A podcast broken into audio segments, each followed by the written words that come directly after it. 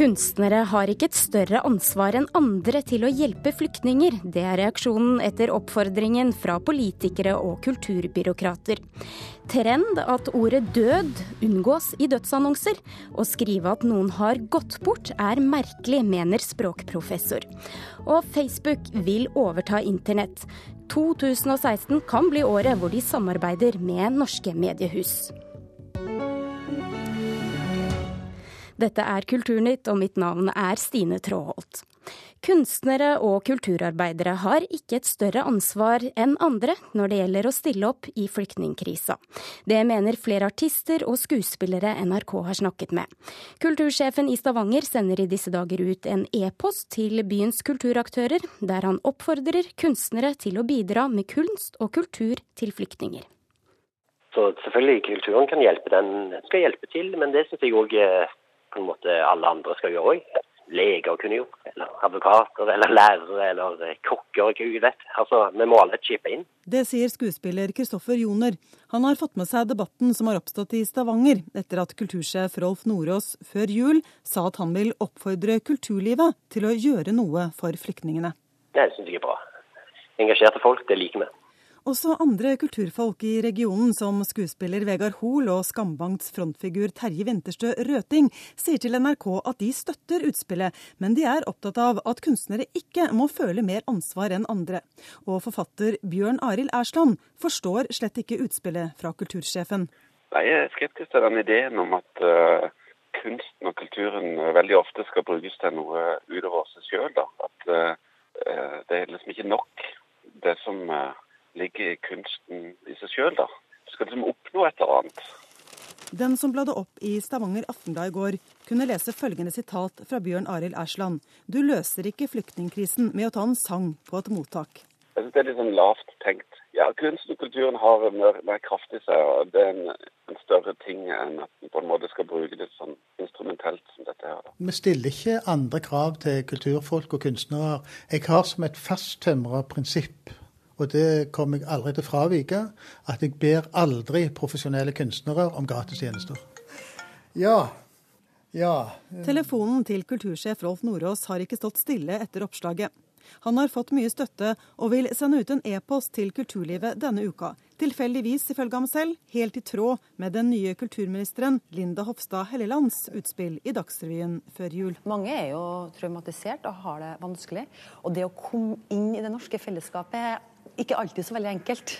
Eh, og da håper jeg at eh, kulturen er der. Hvorfor gjør du dette her? Fordi at jeg har tro på at kulturen kan spille en viktig rolle i en situasjon som disse er. Vi må senke terskelen for tilgjengeligheten deres på kanskje en annen måte enn vi må gjøre for det ordinære publikummet. Jeg syns det er helt greit, jeg. For en gang skulle jeg få lov å være potater. Jeg har vært narkoman i ca. 40 år. I høst hadde teatret gratisforestilling for vanskeligstilte, som fikk se Dickens juleteater. Det er slike tiltak Nordås viser til, at flyktninger får oppleve noe av det samme som andre. Det skal være frivillig, og det kan søkes om støtte fra kommunen. Vi tror at et godt kulturtilbud vil bidra til at vi gjør hverdagen enklere for flyktningene. Det er ikke sikkert de skal presses inn i en norsk leikaring. Altså, På en måte så kan du si at kanskje deres eget kunst- og kulturuttrykk er viktigst for dem nå. At de kan få dyrke det i fellesskap. Men, men definitivt at, at, at, vi kan bidra som teater, f.eks. som jeg sitter og leder nå. Sier teatersjef Arne Nøst ved Rogaland teater. Teatret skal bidra med lek for barn på asylmottak og gratis visning av en engelskspråklig teaterkonsert til våren. Men Nøst forstår kritikken som har kommet mot utspillet fra kommunen. Ja, altså Vi har en lang tradisjon i Norge for å tenke at kunst og kultur skal fungere instrumentelt. Det skal fungere helsebringende. Vi er jo selvsagt ikke en gjeng med sykepleiere. Den nye lederen for Norsk kulturråd, Tone Hansen, sier at også rådet nå vil drøfte tiltak for flyktninger. Hun ser ikke problemer med initiativet fra kultursjefen i Stavanger, snarere tvert imot. Eh, og det syns jeg er et positivt tiltak fra en eh, offensiv kultursjef, så det burde jo bare applauderes. Reporter her var Anette Johansen Espeland. Kulturkommentator Agnes Moxnes, har kunstnere et spesielt ansvar? Det er vel ikke et større ansvar enn andre til å dra på mottak og hjelpe til. Kunstnere er vel sånn som alle andre. Noen gjør det og trives med det, og, og andre gjør det ikke. Men, men, mer generelt så vil jeg jo si at jeg har store forventninger til at kunstnere og kulturinstitusjoner følger med på det som skjer i Norge i dag, og, og reflekterer over det, og at det kommer til uttrykk på et eller annet vis. Tenker du at det er en god idé å sende kunstnere til flyktningmottak? Altså, Det holder jo ikke å dra ut og gjøre liksom, Man har funnet på noe som kan være en, en, god gjerning. Man må vite hva man gjør og hvorfor man gjør det. Men det som er så utrolig interessant med kunst, det er jo at det bunner i en masse felles erfaringer som mennesker har, uansett hvor de kommer fra i verden, og uansett om de er unge eller gamle. Og det er jo typen å fortelle en historie eller bli fortalt en historie. Det er å skape noe, høre på musikk, leve i musikk, ha fellesskapsopplevelser, tenke nye tanker. Og her kan jo virkelig kunst bidra. Ja, Man sier jo ofte kunst for kunstens skyld og ikke for noe annet, men kan kunst også ha noe mer enn sin egen verdi å brukes til det? Jeg syns nesten det er litt sånn misforstått disse tankene man har om kunstnerisk frihet, og sette det inn i en sånn ramme som dette her. For det, det finnes en masse kunstnere i Norge i dag som får oppdrag, og som så løser dem. Eh, kunst kan brukes politisk, kunst kan brukes til å utsmykke liksom, stua di, og kunst kan brukes til å skape irritasjon og, og glede. Så det eneste kravet man egentlig kan stille til kunsten, det er at den gjøres godt nok. Er det egentlig behov for slike instruksjoner fra politikere og byråkrater? Ja, Det er jo et veldig veldig interessant eh, spørsmål. Kunstnere er veldig engstelige, og det har de vært i mange år, for at politikere som sitter på pengesekken, og som dermed har makt, at de kommer med en slags sånn diktatorisk pekefinger og sier at nå skal alt dere gjøre handle om å få bedre integrering, større mangfold osv. osv. Men her må politikerne rett og slett ikke ha berøringsangst med politikerne. De må gå i diskusjon med politikere, og det er jo det man man ser tilløpet til nå da i det utspillet som kommer fra Rogaland. Takk, kulturkommentator Agnes Moxnes. Her i Kulturnytt så er klokken nå ti over åtte denne onsdagsmorgenen. Kollega Thomas Alverstein Ove, du har saumfart aviser og nettaviser fra inn- og utland. Og hvilke kulturnyheter skrives det om i dag? Det er det franske satiremagasinet Charlie Hebdo som får kanskje mest oppmerksomhet i, i, mange aviser. Og det skyldes jo at det i morgen er ett år siden terrorangrepet mot redaksjonen i Paris, der tolv personer ble drept. Men i dag er nummeret som markerer årsdagen i salg. På forsiden står følgende overskrift. Ett år senere, morderen er fortsatt på frifot, og med et bilde av Gud i fullt firsprang med maskingevær på ryggen. Og Medieprofessor Jostein Gripsrud sier til Vårt Land at det ser ut som de nå forsøker å understreke at Charlie Hebdo er religionskritiske i alle retninger. Og i morgen er det altså ett år siden. Men i Storbritannia, der eh, er de nå klare til å eh, feire et stort jubileum? Ja, de skal markere dødsdagen til William Shakespeare. I april er det 400 år siden han døde. Og The Globe, kopien av Shakespeares gamle teater som mange sikkert har sett på sørsiden av Themsen, planlegger selvfølgelig tett program. Men det som skaper mest oppsikt, det er teaterets nye sjef Emma Rice. Hun sier hun vil ha 50% kvinner på scenen i år. Og det til tross for at Shakespeare bare har 16% kvinneroller. Men eh, til Daily Telegraph hun, sier hun at hun ser ingen problemer med å, å, skifte kjønn på flere av figurene. Og på starten av året så blir det ofte mye snakk om det som skal komme. Dagens Næringsliv eh, skriver i dag om eh, det som skal bli verdens største 3D-kjøpesenter på nett. Hva er det? Ja, Det håper i hvert fall europrisarving Dag Høili. Han planlegger å åpne nettuniverset The Moon intet mindre i mars. Kanskje en sammenheng der. Samarbeidet med Snøhetta om å designe det virtuelle kjøpesenteret har vært konfliktfylt, men kundene skal fortsatt kunne vandre rundt på en måte og få en annen type opplevelse i dette universet enn i dagens nettbutikker. Og det hele skal også integreres sterkt med, med blogger og sosiale medier. Dette året har Facebook store planer for oss brukere. Målet til det sosiale nettstedet er at vi aldri skal forlate dem, og at Facebook på mange måter skal bli selve internett. Journalist i NRK Beta, Ståle Gruth, hvordan skal de klare det?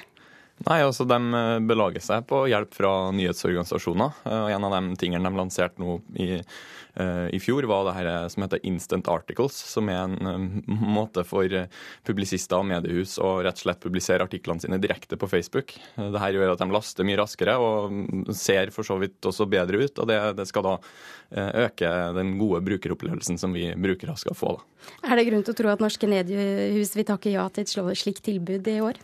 Det er mange som har ymta frampå og sagt at de er interessert i det samarbeidet her, selvfølgelig. Facebook eh, driver vanvittig mye trafikk til, eh, til eh, media over hele verden. Så det, det, er på en måte ingen grunn til at det her ikke skulle være tilfellet i Norge, at det skulle fungere bra for, for mediehus her òg. Men det, det, er selvfølgelig ikke, ikke, en dans på roser alltid å overlevere alt innholdet sitt til Facebook. Nei, For hva blir dilemmaet da for norske mediehus? Nei, Det er jo selvfølgelig inntektene er jo én ting. Det at man på en måte lar Facebook ta kontrollen over hvordan hvordan man får, får penger fra, fra, nyhetsstoffet sitt, men det er også det at man, man lar Facebook rett og slett også overta kontrollen over innholdet sitt, som gjør at det er vanskeligere å selge andre artikler som man har skrevet, og også kontroll over hvilken atferd brukerne har på nettsidene sine. Da.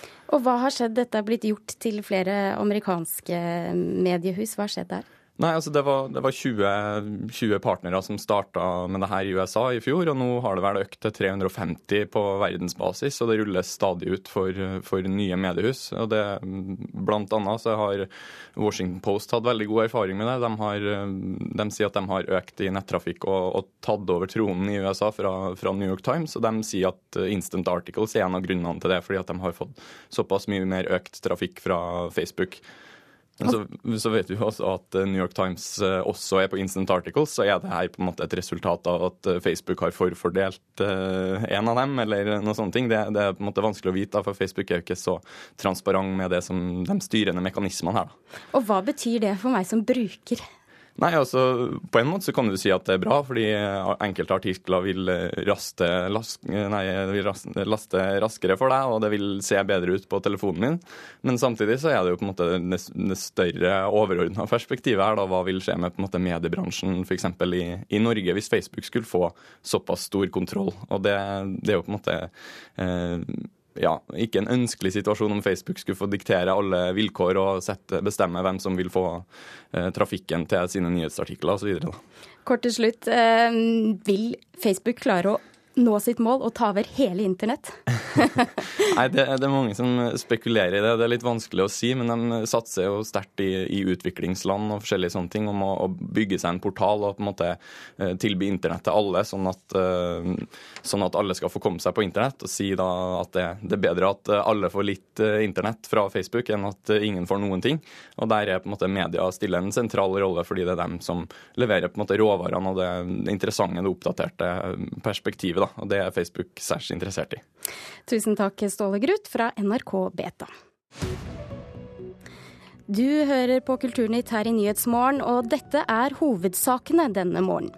Nord-Korea hevder å ha prøvesprengt en hydrogenbombe. Det er en alvorlig trussel mot global sikkerhet og et stort tilbakeskritt i arbeidet mot spredning av atomvåpen, sier statsminister Erna Solberg. Ingen vits med gratis kollektivtransport for å få bedre byluft, mener Vegdirektoratet. Det reduserer bare biltrafikken med 1% Dødsannonser bør inneholde ordet død, det mener psykolog i Bergen, som har gått gjennom Bergens Tidende og funnet ut at 70% av dødsannonsene omtaler døden som å sovne stille inn, eller å gå bort, eller kanskje andre omskrivninger. Hos begravelsesbyrået Jølstad på Grefsen i Oslo er det tomt og stille.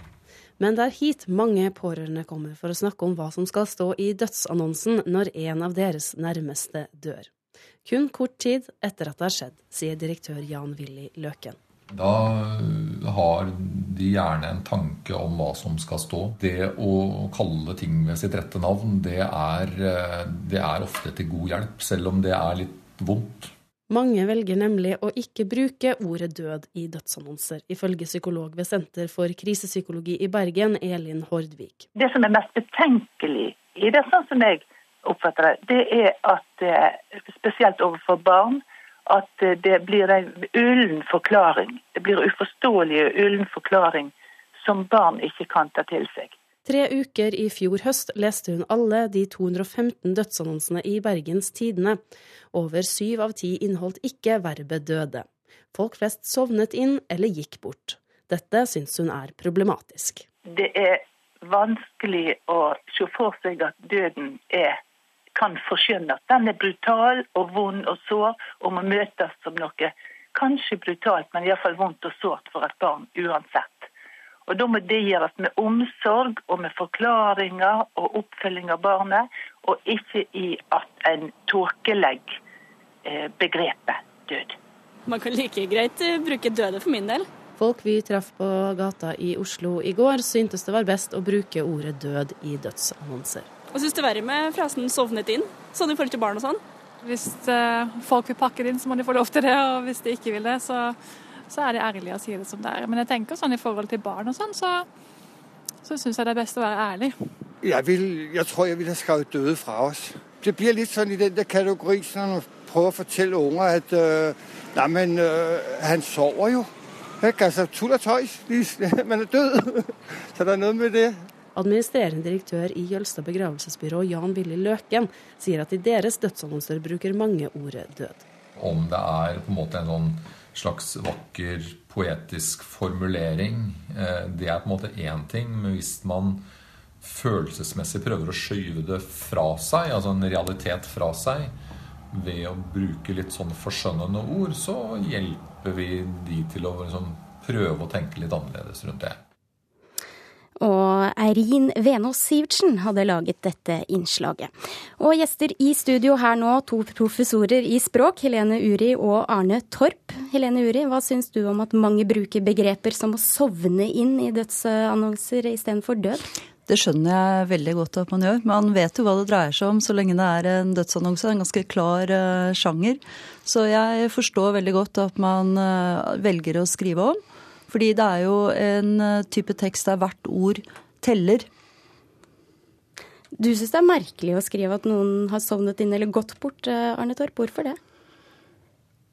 Jeg er helt enig med Helene i at uh, en er klar over hva det dreier seg om når det står i en dødsannonse. Men jeg kan ikke skjønne hvorfor jeg ikke like godt kan kalle en spade en spade, som det heter vanligvis. For alle vet at det dreier seg om at den er død. Og da syns jeg det ordet er greit. Det er ikke noe nedsettelse i det ordet der. Det er ikke noe, er ikke noe grovt ord. Uh, selvfølgelig uh, kan en da bruke det ordet der, mener jeg. Ja, hvorfor gjør man det da? Helene Uri? Jeg tror man skriver om fordi det kanskje føles mer poetisk, og fordi at det virkelig er viktig å velge ordene sine. Jeg husker jo da jeg var ansvarlig for å lage dødsannonsen for min mor, så brukte jeg jo utrolig lang tid på å velge de adjektivene jeg skulle ha for å beskrive henne, som også er en sånn sjangerkonvensjon. Men jeg brukte nok verbet døde, det gjorde jeg. Men jeg forstår veldig godt at man har behov for å skrive 'gikk ut av tiden', 'sovnet inn', 'gikk fra oss'. Jeg, jeg skjønner det veldig godt. Jeg har jo en viss sans for at uh, folk som er f.eks. svært religiøse, syns det er flott å skrive 'gikk hjem til Jesus' og sånn. Uh, men det passer jo liksom ikke for alle, da. Så visse sånne, hva skal vi si, religiøse konvensjoner er absolutt Konsesjoner, er det det heter i dette tilfellet. Det er absolutt innstilt på å gi. Men å ikke liksom være helt klar på at eh, den som er gått bort, kommer ikke igjen. Vi lever jo i en tid hvor vi er åpne om døden. Vi snakker mye om det, men er vi likevel blitt redde for å bruke ordet død? Jeg tror ikke det er det det dreier seg om uh, i det hele tatt. Og det er jo vanskelig for oss to språkfolk å være uenig med en psykolog som arbeider med barn. Så det er jo ikke noe vanskelig å se at dette kan være vanskelig. Men uh, mitt poeng er i hvert fall at jeg syns at den diskusjonen og den samtalen man skal ha med barn, den tar man da et annet sted. Og så er det en del av barns språkkompetanse å lære seg eh, forskjellige sjangre. Og i dødsannonser så er det vanlig å si 'gikk bort' eller 'sovnet eh, inn' eller 'gikk ut av tiden'. Og at det er noe med en sånn helt vanlig omskriving som, som barn også må lære seg. Og så bruker man verbet 'dø' alle andre steder og i samtale med barn. Og selvfølgelig skal ikke dette tåkelegges eller eh, på noen måte legges skjul på hva som, hva som har skjedd. Jeg tror nok òg at unger som er så store at de leser dødsannonse, er klar over hva det betyr for noe. Mm. Så problemet er vel ikke egentlig teksten i ei dødsannonse. Problemet, hvis det er noe problem, eller utfordring som det heter da, det er jo selvfølgelig hva slags ord en bruker når en snakker med ungene. Mm. For små unge som ikke kan lese verken dødsannonser eller annen tekst, de er jo avhengige av å støtte seg på de ordene som eh, de pårørende bruker. Og sier de at de gikk vekk eller et eller annet, så kan altså ungen komme til å spørre kommer ikke igjen, da. Sånn som eh, det sto i det stykket som eh, var sitert her som utgangspunkt for dette her. Og jeg syns jo at en må respektere både at folk dør, og at de er alvorlig syke. Jeg har sjøl en god venn som nå ikke lenger lever. For han var alvorlig syk, og det visste han. Og når han trefte folk, så sa de liksom at ja, du ble nok snart bra igjen, osv. Jeg vil ha respekt for at jeg er alvorlig syk, sa han. Og det syns jeg vi skal respektere. Er det ikke også bra med språklig variasjon i dødsannonser, Arne Torp? Ja, det kan det godt være. Eh, antyda jo nettopp at å gå hjem til Jesus er greit nok. For eh, det går an å forklare at når han har gått til Jesus, da kommer han ikke igjen. Men hva er forskjellen på det og gått bort? Ja, gå bort, altså. Det er jo helt eh, Det høres jo ut som at det bare har gått ut av døra og kanskje er på en liten tur. Men å gå til Jesus, det er noe spesielt, så da må det en lengre forklaring til. Og den er sikkert den som skriver slik annonse, uh, mer enn villig til å gi. Er du enig i det, Helene Uri? Altså, jeg syns man skal bruke de ordene som de pårørende syns er riktig i dødsannonser, og så må man være klar når man snakker for bl.a. barn og de som er igjen. Det er jo hovedpoenget her. Men man, barn må også lære at man ikke alltid sier ting rett ut. Det gjelder jo kroppsfunksjoner og andre ting, det som vi voksne gjerne uttrykker på en litt annen måte, våre behov, enn det barn gjør. Og det, det er en del av det å lære å snakke. Flott. Takk for at dere kom til Kulturnytt, Arne Torp og Helene Uri.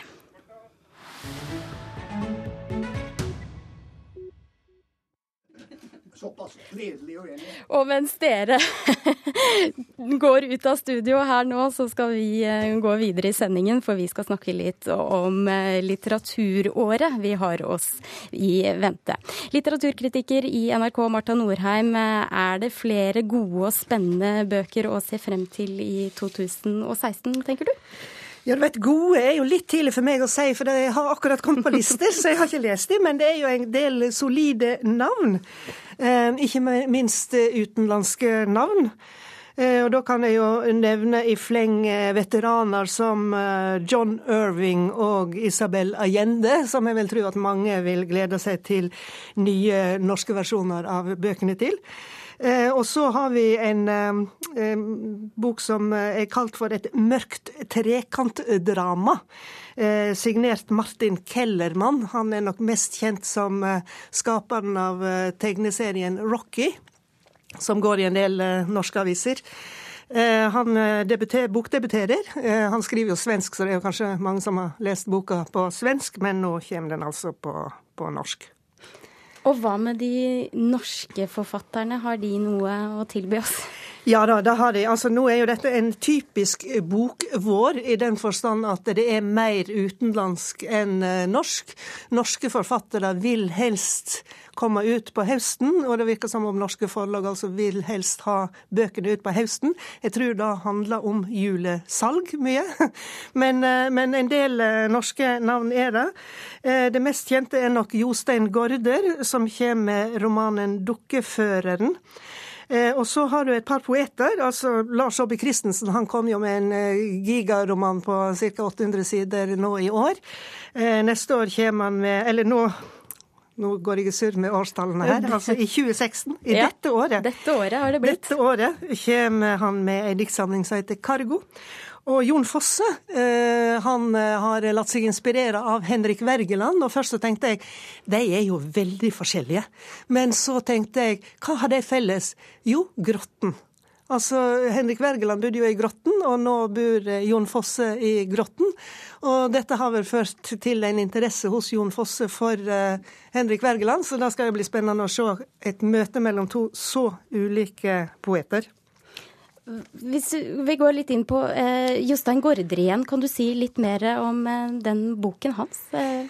Nei, jeg kan egentlig ikke si noe mer om eh, bøkene, fordi at eh, foreløpig er det bare lister det er snakk om. Mm. Eh, så, så, det kan jeg ikke si. Men han er jo en kjent forfatter som, som vi jo vet litt om hva skriver om.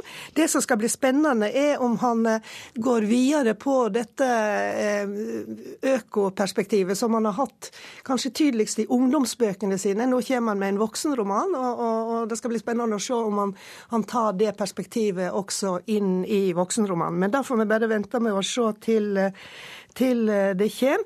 Kanskje jeg også skal få lov til å nevne en novellesamling eh, i det norske. Altså Hilde Linseth hun er en, eh, en veldig habil eh, novelleskriver. Har skrevet tre samlinger, er det vel. Dette er den tredje, som heter 'Til døden'. Og hun har også et navn som det er veldig bra å, å, å følge med på. Når du da ser litteraturåret eh, ut fra titler, eh, hva, hva, hva, utmarker seg, hvis du skal gi en eh, karakteristikk av året? Altså Hvis jeg, hvis jeg liksom tar kjøttvekta på en måte, så ser jeg at det er veldig mye klassikere, faktisk, som, som kommer på ny. Altså Shakespeare er jo en jubilant, så han kommer. Og så har du Jean-Jacques Rousseau, Selma Lagerlöf, Ludvig Holberg. Altså det er veldig mange klassikere som, som kommer på ny. Om det er nye gjendiktninger eller om det er nye opptrykk, det er jo vanskelig å si sånn i første runde. Aristoteles veldig mange eh, kjente og kjære, og kanskje kjente, men eh, ikke egentlig leste klassikere, vil eh, komme dryssende i løpet av eh, våren. Takk for at du har sett på hva som kan vente oss, eh, Marta Norheim. Kulturnytt er over, men Nyhetsmorgen fortsetter. Ansvarlig for denne sendingen var Ugo Farmariello, og mitt navn er Stine Tråholt.